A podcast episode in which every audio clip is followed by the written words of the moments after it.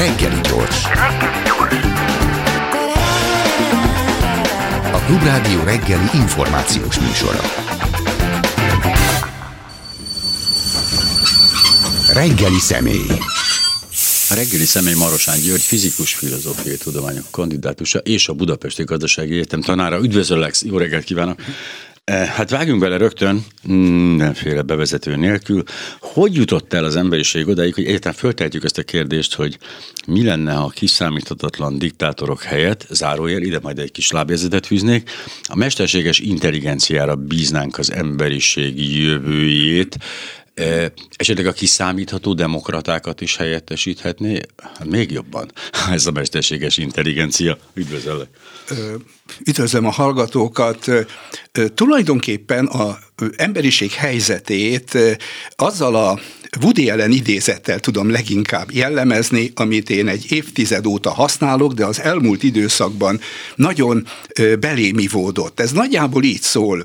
Napjainkban sokkal inkább, mint bármelyik más történelmi korban az emberiség keresztúthoz érkezett. Az egyik út a végső kétségbeesésbe és a reménytelenségbe vezet. A másik a tökéletes pusztulásba. Csak reménykedni tudunk, hogy bölcsen tudunk választani a kettő között. Ez, amikor én ezt először olvastam, csak egy ilyen bonmot volt, mm. jó volt ilyennel kezdeni az előadásokat, és utána rátérni mm. a lényegre. Ma egyre inkább érzem, hogy ez a valóságot jól fejezi ki. És akkor hadd legyen Hadd utaljak még egy ö, különös idézetre. Szintén évtizedekkel ezelőtt olvastam ö, Csányi Vilmos könyvét, Az emberi természet, amiben volt egy nagyon érdekes ö, történet arról, hogy a galléros páviánok hogyan hoznak döntést.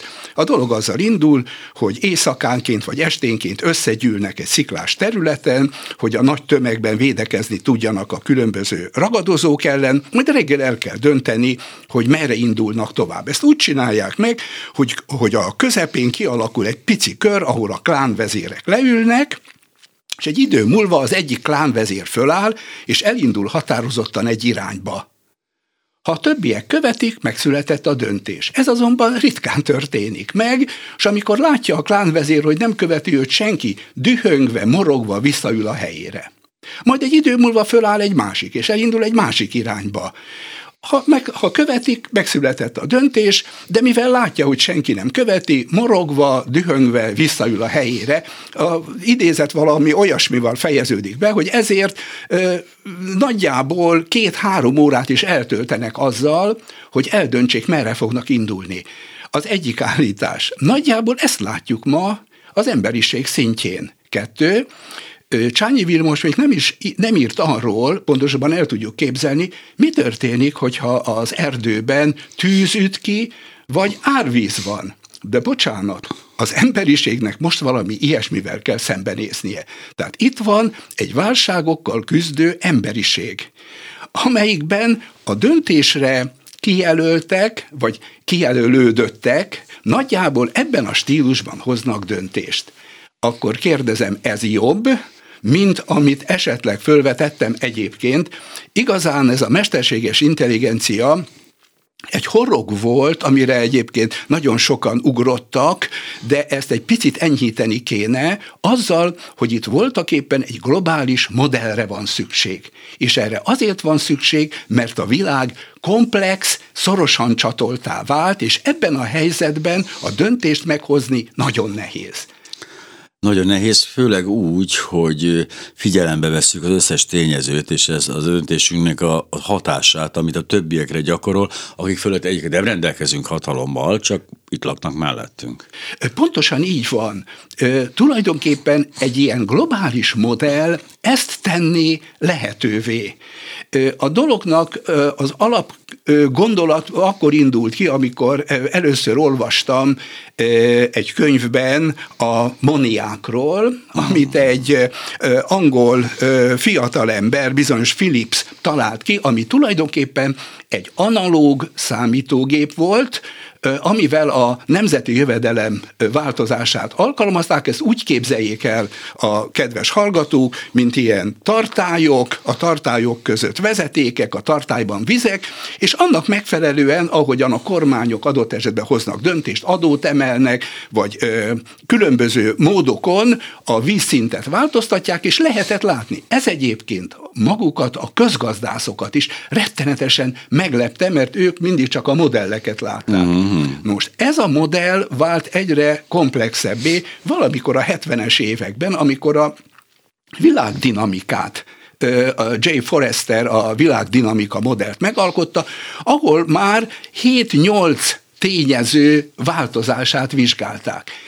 Napjainkban azonban a világ szinte áttekinthetetlen komplex rendszerré vált, és a változások egy területen egyrészt megállíthatatlanul terjednek tovább, másrészt nagyon nehezen kiszámíthatók. Bocsánat, hadd legyen, szintén még évekkel ezelőtt láttam egy CNN hirdetést, többször láttam, és ami nagyjából így szólt – a kínai középosztály egyre gazdagabb és egyre többet tud fogyasztani. Ezért a világgazdaságon megemelkednek az élelmiszerárak.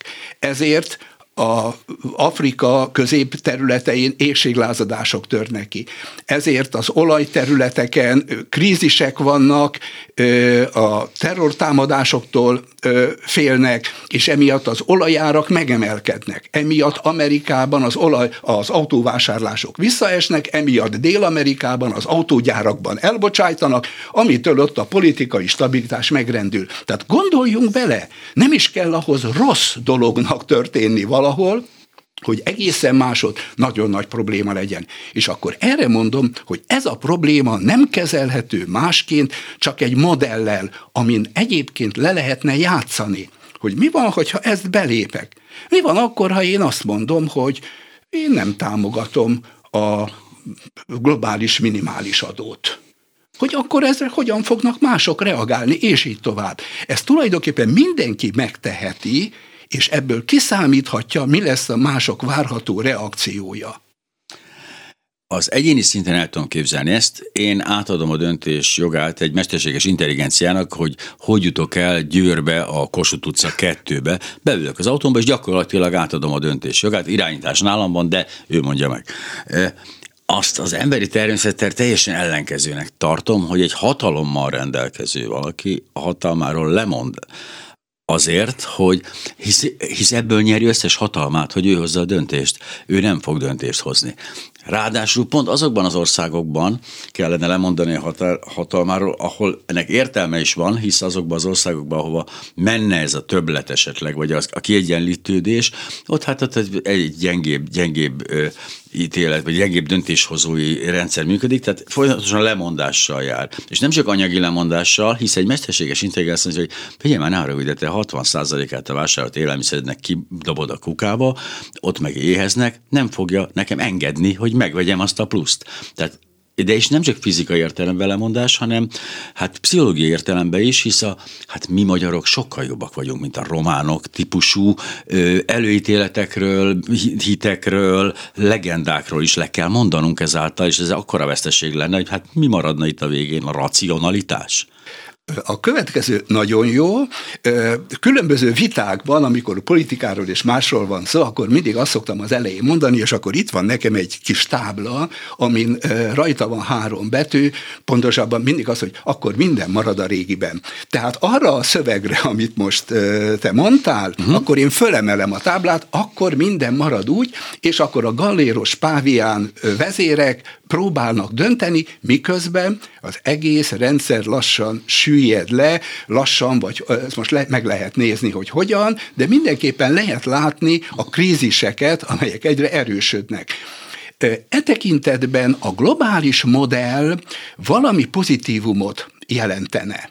Tehát a globális modell és akkor most belemegyek olyanba, amitől biztos mindenkinek fölrobban az agya, azért egy ilyet létrehozni, ez nem olcsó. Én azt mondom, hogy hát ön egy milliárd dollár. De egy milliárd dollár nem olyan igazán nagy pénz, nagyjából 10-15 év, és ezt létre tudjuk hozni, és akkor ez nagyjából úgy működne, hogy ö, mindenki szabadon hozzáférhetne, és megtanulhatná, erre persze megint csak kell némi pénz, játszani. És akkor képzeljük el, hogy otthon leülök, és kezdem nézni az országokon belül ugye ez a globális modell, ez nem csak az egész emberiséget mutatná meg, hanem is ez lenne a szép, ezért kell bizonyos értelemben bonyolultnak lenni, és erreben segíteni a mesterséges intelligencia a te kis, kis közösségedet is, hogy hogyan is fejlődik. Tehát az, amire ma nem kapsz egyáltalán információt, nem tudod, hogy mi van, mi történik, uh-huh. és csak azt látod, hogy a különböző pártok bekiabálnak, hogy adót emelnék, adót csökkentenék, és így tovább, azt le tudod játszani ezzel tulajdonképpen nyomás alá lehetne helyezni ezeket a, hogy is mondjam, döntéshozókat, és még egy, ez világossá tenni az összes többiek számára, hogy hogyan reagáljanak. Ma azon vitatkoznak, hogy vajon lábon lőtte magát az Európai Unió a szankciókkal. Ez egy nagyon érdekes kérdés. Egy ilyen globális modellből pontosan meg lehet, ki lehet számítani, meg lehet mutatni, mi az a szankció, ami őt rettenetesen zavarja, és nekem minimális kárt okoz. Tulajdonképpen az emberiség hajnalán a törzsekben nagyjából így hoztak döntést. Mindenki látta, és a, a, a, a szabályokat és a morált mindenkinek be kellett tartani, és volt egy nagyon érdekes szabály, a kötelező büntetés szabálya. Akkor is büntetned kellett a szabályszegőt, ha nem téged ért a kár, és tulajdonképpen idegen csapott be idegent. És ettől a rendszer működött. Most egy picit ilyenszerűség jönne létre, a globális modell mindenkinek mutatná, mit illene tenned, illetve amit teszel, hogyan hat másokra. Egy ideig mondhatod azt, ezt különösen a nagyok mondhatják, egy olyan ország, mint Magyarország, ez kevésbé, hogy bocsánat, én szuverén vagyok. Ebben ne, nekem ne mondja meg senki, uh-huh. ne avatkozzanak bele, hogy én mit csinálok, de ezek az országok, hogyha kicsi vagy különösen, lehet látni, hogy akkor mit fognak a többiek lépni, és téged lassan arra fognak vezetni, hogy figyelj ide, vedd tekintetbe a környéknek, a környezetednek és a tágabb környezetednek az érdekeit. Ugye egy ilyen modell, vagy emi, most tök hogy hívjuk, sosem mondhatja azt, hogy száz százalékban az fog történni, hisz már egy olyan egyszerű, bár ehhez képest egyszerű rendszerben, mint mondjuk a légkör, hát lásd, meteorológusok olyanokat mondanak, hogy 80 százalék, 20 százalék. Valószínűleg ez a, ez a rendszer is így működne értelmezhetőek lennének a döntése, és mondhatnánk azt, hogy na de hát mi van akkor, hogy az a 10% történik, meg ja Istenem. Tehát. Ez igaz, és ez a, ez a bizonytalanság, ez tulajdonképpen mindvégig megmarad, de a modell, és tulajdonképpen ez volna benne a szép, hogy ezek a szövegek, ezek általában a holnapra vonatkoznak. Uh-huh. És ezek vezetnek, tehát ez a fajta logika vezet el minket a megfőtt béka szindrómához. Nevezetesen, de ugye ezt a politikus el is mondja, azt, hogy, mi, hogy átkelünk-e a hídon, akkor kell eldönteni, amikor oda érünk. A modell viszont mutatja, jó, akkor most nem. Egy év múlva újra előjön. Most sem. Akkor egy év múlva, és látod azt, hogy hogyan. Látod, hogy hogyan romlik a dolog le, és egy idő múlva azt hiszem nagy lesz a kényszer, hogy hát nincs mese.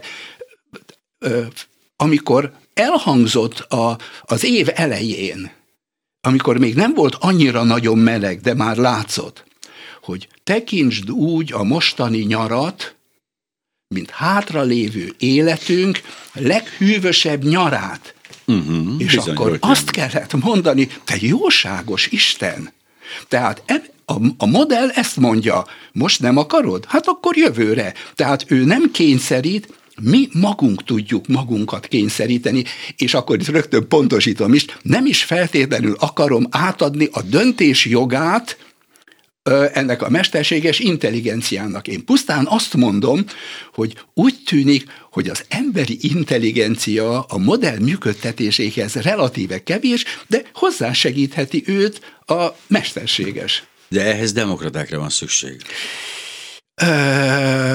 Ehhez racionális emberekre van szükség, és ö, tulajdonképpen az egyik legnehezebb probléma pontosan az, amit mondtál, hogy a az autokraták populisták mikor veszik azt észre, hogy egyébként a modell működtetése az ő, hogy is mondja, mozgásterüket szűkíti. Tehát megint mondom, hogy a nagy dumák helyett, és amikor ö, fake news-zal borítom el a, a, a polgárt, van egy modell, amihez mindenki hozzáfér, és azt mondják neki, tudod mit, hát menj haza, nézd már meg. Jó, most nem hitted el ebben az évben, de nézd meg, tavaly azt mondták, mi lett most? Tavaly előtt azt mondták, hol tartunk most? Hát figyelj ide, térj már végre észre, és én azt gondolom, hogy a fiatal generációk erre egy picit fogékonyabbak. Módszertanilag is kezelni tudják, és bocsánat, az ő életékről van szó. Elnézést, még egy gondolat. Ja, nem, nem, de hogy persze. És tulajdonképpen ezen gondolkodtam el. Én ugye 76-77 éves vagyok. Az én perspektívám, időtávam 10 év. De azok, akik 2000-ben születtek, a statisztikák és minden ö, elemzés szerint megélik a száz évet. Tehát élni fognak még 2100-ban. Na most ezekről van szó, és ezek fogják ránézni a modellre, és azt mondani, akármit mond az autókrata, akármit mond a populista, de gyerekek, hát nincs mese. Valamit csinálni kell, hogy túléljünk, de lehet, hogy túl optimista vagyok. Asimov alapítványa, igen. Az jut eszembe főleg, hogy, hogy igazából tényleg valószínűleg ez úgy működne első körben, mint egy ilyen tanács, döntés előkészítő bizottság, stb., illetve azonnal megpróbálnak manipulálni a politikusok a számukra kedvező végzetet kiolvasni belőle, illetve úgy manipulálni azt, hogy úgy hangozzék, illetve ugye előfordulhatna az a klasszikus történet, mi szerint ugye a fehérek által programozott arcfelismerő rendezések rasszisták. Tehát ha Amerika programoz egy ilyen rendszert, akkor bizony India rosszul ez, ez, ez egy, tulajdonképpen ezek a rejtett veszélyek, és ezek valóságosan léteznek. Tehát ezért kell óvatosan bánni, és ö, amikor azt mondom, hogy átengedni, inkább közös munkáról van szó, és ezt érzem úgy, hogy tulajdonképpen tesztelni kell hosszan, mert be vannak építve. Egészen más példát mondjak, ami engem annak idején meglepett, mert az unokáim Angliában élnek, hogy ugye most a, a egyetemi fölvételeknél hoztak egy olyan, hogy is mondjam, szoftvert, vagy nem volt érettségi vizsga, hanem ehelyett azt csinálták, hogy a tanárokat megkérdezve, meg a, meg a gyerekeknek a eredmény eredményeit ből alkottak egy pontot. És kiderült, hogy a nehéz, tehát a ha úgy tetszik, a munkáskerületek iskoláiból kevesebben kerültek be, és ez azért volt, mert beépítették azt a rendszerbe, hogy az iskolák között minőségi különbségek vannak, és ez az egészet, hogy is mondjam, torzította. torzította. Tehát ezekre nagyon kell vigyázni. Én nem vagyok, bocsánat, teljesen ilyen, ilyen mesterség és intelligencia hívő, de úgy látom, hogy valami segítségre az embernek szüksége van, hogy ezt a bonyolultságot kezelni tudja. Isten.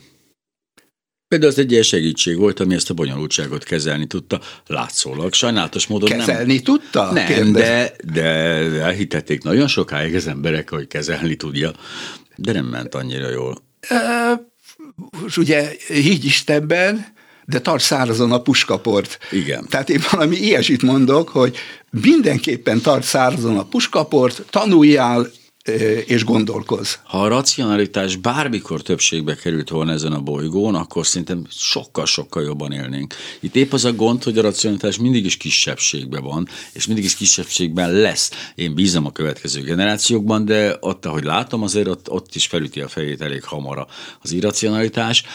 Ehhez tulajdonképpen először a társadalomnak kéne változnia.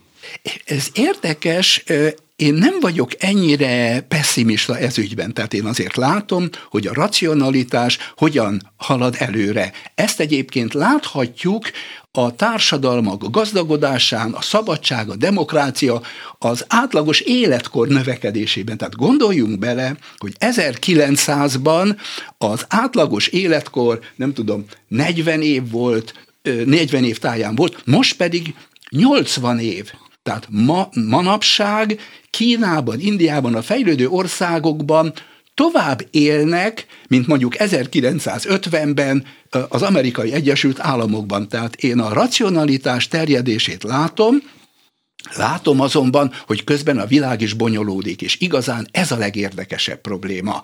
Tehát a legnagyobb gondot az jelenti, és volt elnézést, akkor hivatkozom rá, amikor a rendszer kutatás elindult, egy nagyon érdekes, szerzőpárnak egy nagyon érdekes cikke, ez a Conan Ashby tétel, ami azt mondja, ahhoz, hogy egy rendszert szabályozni tudj, rendelkezned kell egy olyan modellel, amelynek a komplexitása eléri ezt a szintet.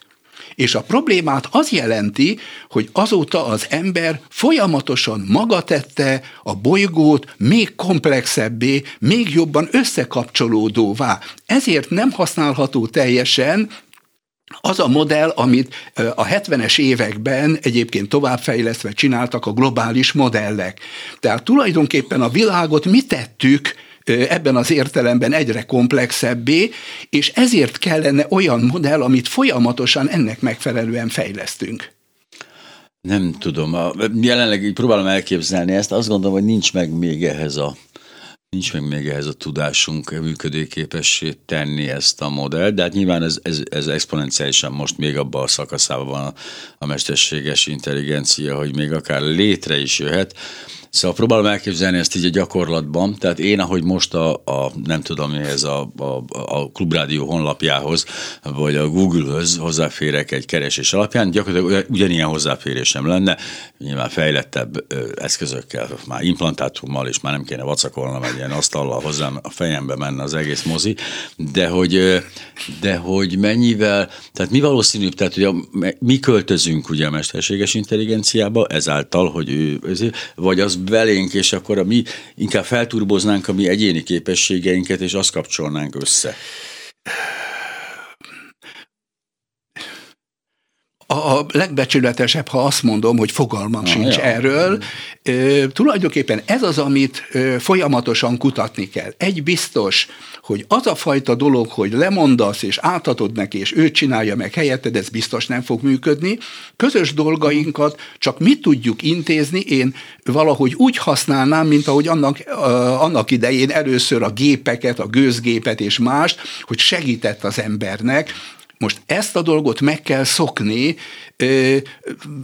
ha már elhangzott Asimov, a, a 2001 űrodisszeljában megjelenik egy nagyon különös történet, ugye az emberiség kiküld távoli bolygóba, azt hiszem Jupiterre, mm. hogy derítsen föl valamit, és a a pilótáknak segítségül adják a halt, a heuristic languages, vagyis egy mesterséges intelligencia dolgot, ami utána, ez eléggé elgondolkoztató, elkezdi kivégezni a pilótákat, mert úgy érzi, hogy a küldetésnek, amit kapott, az emberiség érdekében ők a legnagyobb akadályai, míg végül őt öli meg az utolsó, utolsó pilóta, tehát itt komoly gondok vannak, ehhez föl kell hogy is mondjam, nőni, de egy biztos, és akkor itt térnék igazán csak arra, hogy az emberiség jelenlegi helyzetében valamiféle központi kormányzása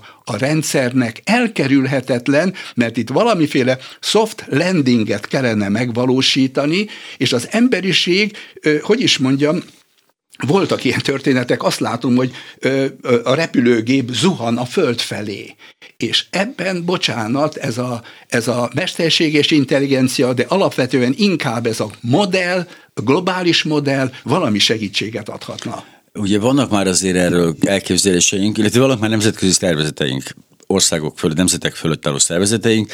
Ezeknek a, a csetlés botlásáról, esetleges utaságairól, gyengeségéről, azért nap mint nap vannak élményeink, egyszerűen nem működnek igazából ezek. Pont amiatt, hogy annyiféle ö, rendszer fölött kellene egy plusz rendszert képezniük, ami egyszerűen, amire képtelenek az ENSZ szoktuk állandóan ekézni, de hát ezer ilyen van, ami, ami, ami hát próbálkozik, próbálkozik, de még nem láttam sikert.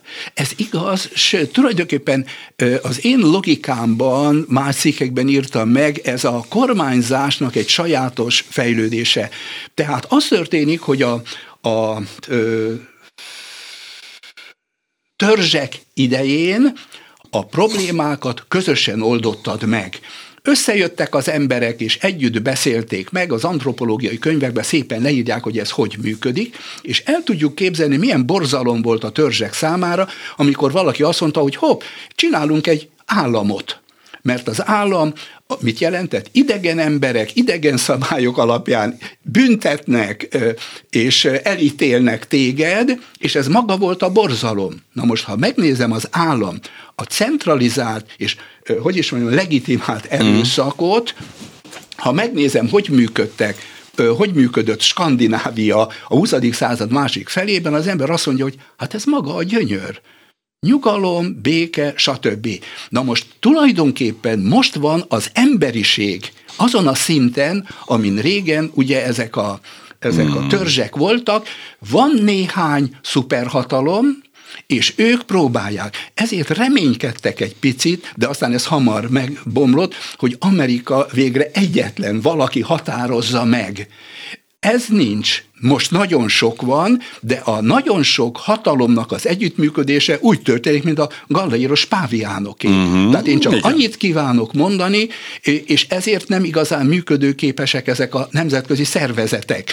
Ezeket nem kell kidobni, a nagyhatalmak és a kishatalmak, ez teljesen logikus, de valamiképpen, hogy is mondjam, mint egy ö, zenekarban karmester kéne, hogy ebből, amit itt kakofóniának hangzik, valamiféle harmónia szülessen. Hát ahogy látom, ami talán optimizmus adhat okot, ugye arra, azzal lehet például rávenni országokat, nemzeteket, bizonyos jogok kiszervezésére központilag, lásd, Európai Unió, hogy hát effektíve fizetünk ezért, ide, itt lesz most ez a döntés, ide kerül a központba, de te ezért részesülsz valami előnyben, ebben mit tudunk nyújtani. Ilyen gazdasági, gazdasági dolgot tudok elképzelni, csak hogy azt mondjuk a diktatúrának is, hogy hát figyelj, ez most neked személy szerint nyilván nagyon jó, de téged egy drónnal felrobbantunk, és innentől kezdve azt javasolnánk a többieknek, hogyha nem akarnak másik diktátort, akkor ez is ezzel jár. Hát ilyen üzleti tranzakciók során tudom elképzelni valahogy ezt a... Ez így van. Más is van, nem csak ez a fajta üzleti tranzakció, mert egyébként is ez lesz a fejlődésnek a legnehezebb oldala, amit, amiről még nagyon keveset beszéltünk. Mert a fejlődőknél az a modell, hogy idézőjelbe, bocsánat, megveszlek téged. Tudod mit? Kapsz egy milliárd dollárt, 500 millió dollárt, és akkor te tudsz itt élni, de valójában, ha te úgy akarsz élni, vagy megközelítően úgy akarsz élni, mint a fejlettek, akkor ugyanúgy kell élned és dolgoznod. Akkor Afrika és másút nem mondhatod a nőknek azt, hogy ezt vagy az, Igen. hanem egyenlő jogaik vannak. Na most tulajdonképpen ez lesz a legnehezebb, hogyha előre tekintünk, bocsánat, a 20. század végére, hogy viszonylag békésen oldódjon meg a dolog, ehhez az kell, hogy a legfejlettebbek jelentős forrásról, erre hivatkoztál, lemondanak, Igen mely jelentős források nagy részét a környékükön élő, hogy is mondjam, kevésbé fejlettek kapnának, meg adott esetben Magyarország, és ezeket ugyan megkapnák a fejlődők, azzal a feltétellel, hogy egyébként ők is hogy is mondjam, a, az élet görbéjüknek, vagy a társadalmi fejlettségüknek fejlettebb szakaszára lépnek, ami számukra egy nagyon nagy kihívás. Igen. Tehát ezért látom az elkövetkező száz évet hogy mondjam, majdnem úgy, ahogyan azt a Woody Allen Igen. idézetből volt, nagyon nehezen megoldható. Ráadásul ugye, mint azt mondjuk, hogy hát mit tudom én, 30 évvel vagyunk lemaradva a Norvégia mögött, akkor azt kell, viszont ez az is jár, hogy azt mondják Norvégiának, hogy oké, okay, most az elkövetkező 60-80-100 évben te most nem fogsz előre menni, mert most tényleg az lesz, hogy akik mögötted vannak, azok utol fognak érni ez igaz, ez akkor, bocsánat, fölvet egy további, valamikor esetleg elemzendő kérdést, hogy miért kéne sokkal több annál, ami most van Norvégiában? Tehát hát, valahogy úgy mert tűnik... ami nem megy előre, az visszafele nem. Nem, nem, nem, nem, ez nem így van. Tehát ugye az emberiség életgörbéje, és ez a válságoknak egy nagyon fontos oka, elérkezett az életgörbe felső stabil szakaszához. Ez azt jelenti, hogy nem növekedsz tovább, a fejlődésed egészen más jellegű, és hogy is mondjam, ez csak ahhoz képes rettenetes, hogy te előtte a túllövés állapotában voltál, hogy egyre többet, több kocsi és így tovább legyen, ezen a szinten kialakítható egy normális emberi élet. Tehát tulajdonképpen most jön el igazán, ha úgy tetszik, idézélbe a történelem vége, amikor megpróbálsz ebben az új helyzetben hogy mondjam, normális életet élni, és egyébként, bocsánat, pont a norvégoknál lehet ezt látni, hogy ebbe az irányba mennek el, talán nem annyira nagyon gyorsan, de ha összehasonlítod azt, hogy Norvégia hogyan használja a fölhalmozott forrásait, vagy egy-két ilyen, hogy mondjam, közel-keleti ország hogy használja, bocsánat, Norvégia minket szeretne segíteni, hogy jöjjünk. Próbálja Tehát, csak meg. Tehát, hogy ő a pénzt nem éli föl, hanem elrakja, és ez mutat arra, hogy ő tulajdonképpen lehetővé teszi az embereknek, ez általában Skandinávira érvényes, hogy egy élhető életmódot formáljanak ki, és nem arra teszi föl a dolgot, hogy egyre többet, egyre nagyobbat, eh, eh, eh, hogy is mondjam, egyre több erőforrást felhasználva próbálok élni, és ez a jövő útja. Talán ez az a legnehezebb, amit a fejlődőknek, hogy is mondjam, meg kell érni, tehát a legfejlettebbnek meg kell érteni. De közben a technológiai fejlődés egy nem fog úgy, ugyan egy platóra kerülni, hanem az megy, nem marad örökre a CD játszó, és szóval vum, az folytatódik. Ez pontosan így van, tehát a technológia is sok minden más, bár az emberi boldogságot, elégedettséget kiváltó tényezők túlnyomó többsége,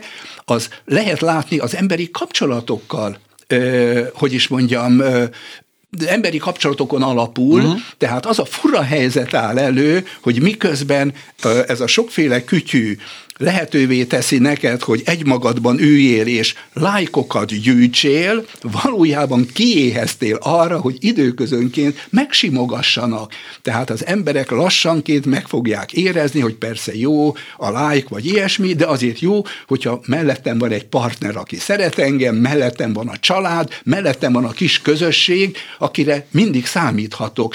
Tehát mm. újra szerveződik a társadalom, de lehet erre azt mondani, amit én most mondtam, hogy ez utópia, de úgy érzem, hogy egyre nő a, az ösztönzöttsége, hogy végre fordulj a közvetlen környezetedbe, keresd a barátaidat, és velük próbálj élni. A, akkor ez nem a mostani legfiatalabb nemzedékbe fog bekövetkezni, mert ott, amit ott látok, az nem ez, ez, hanem ennek az ellenkezője.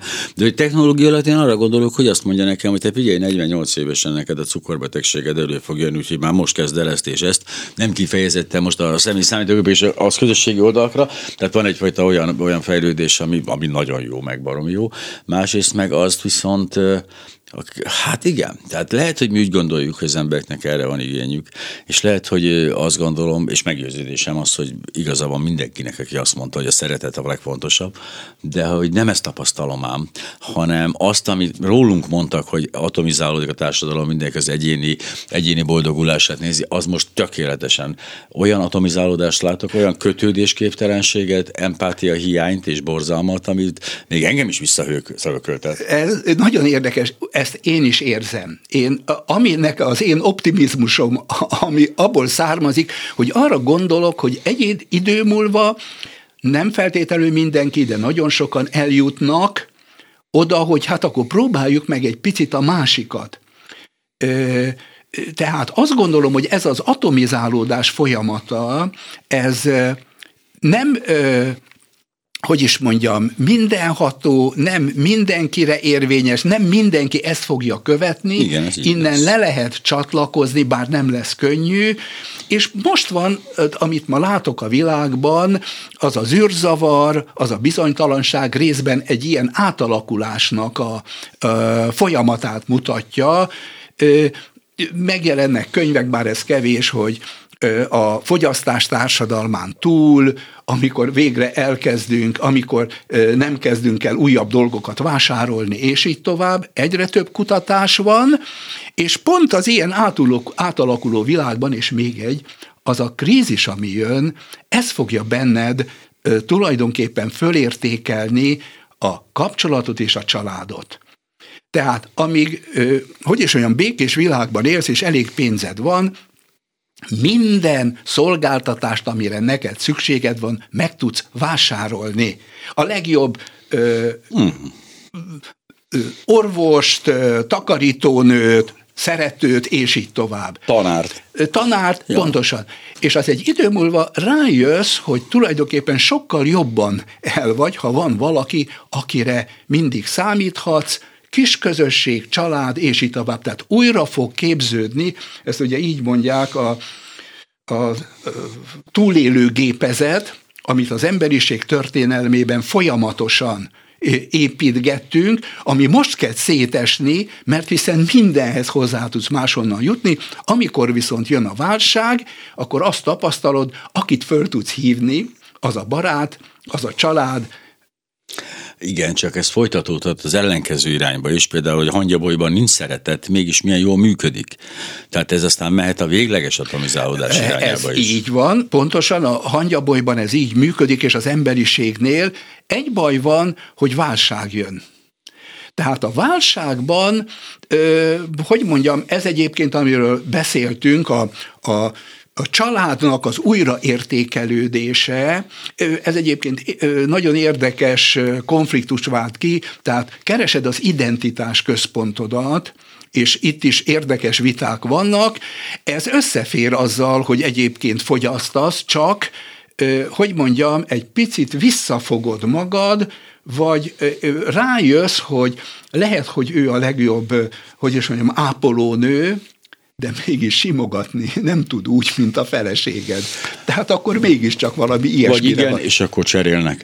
De hogy mármint, hogy Stephen, Értem, Stephen igen. Hawking jutott az eszembe ezzel, ezzel kapcsolatban. Ja, oké, okay, ez egy rendkívül optimista elképzelés, mi szerint a, az emberiség, és nem csak az egyén, hogy rendelkezik belátással Elképzelhetőnek tartom, és még hajlandó lennék felvizsgálni azt a nézetemet is, hogy a hülyék mindig többségben lesznek, de hát óvatatlanul mindig az ide szembe ezekre a dolgokról, hogy ezt a legtöbb ember majd belátja, egy csomó ember belátja, és a nagy többséget meg majd rá kell kényszeríteni. De hogy működhet egy ilyen rendszer kényszerből, mert nem nagyon tűnik annak. Tehát elég, ha a döntéshozók belemennek ebbe a történetbe, és működtetik, és mindenki rásra meg ugye, hát ez ugye a következmények folytán jut el, vagy, vagy, vagy ez is szükséges, hogy itt ez a belátás működjön? A következő van, hogy a környezet hatásai adják igazán a kényszert. Tehát most a kényszert úgy gondoljuk, hogy valaki azt mondja neked, hogy ezt így csinálod, mert ha nem, akkor ezt vagy azt. Na most a külső kényszerek, hogy nincs pénzem megvenni, de jó az, amit ő nyújt, hogy is mondjam, takarékoskodnom kell, tulajdonképpen kicsiben is meg vagyok, tehát a költséghaszon elemzés, a mindennapok költséghaszon elemzése, ez sok esetben elegendő, hogy is mondjam, ösztönzést ad, hogy te végig gondold azt a viselkedési formát, viselkedési életmodellt, amit folytatsz, és én ebben bízom, hogy a racionalitás mindössze az, hogy az ember azt kérdezi magát, hogy meg vagyok én őrülve, hogy veszem még azt, csinálom még azt, ami nem igazán érzem magam jól, hát akkor próbáljam, hadd próbáljam meg jól érezni magam másként, idézőben normális módon, vagy kipróbálni legalább. Ha szélsőséges példát hozok, a, a heroinisták nem úgy hagyják abba a heroint, hogy hát de úristen, hát ez nekem rossz, hát miért csinálom ezt magammal, hát nem csinálom tovább. Ez, ez jogos, hiszen tulajdonképpen a társadalom egy csomó mindenben, hogy is mondjam, így ennek megfelelően addiktívá tesz.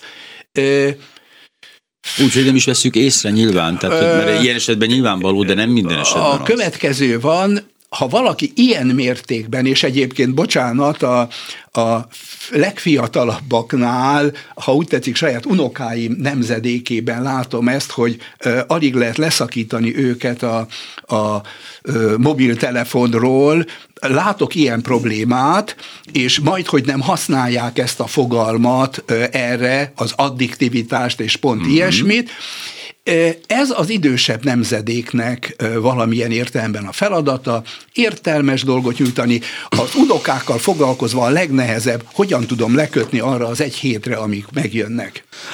Itt volt Marosán György, fizikus, filozófus, és még a gazdasági egyetem tanára is. Most elrepülünk, mert lejárt az időnk. Találkozunk nem sokára.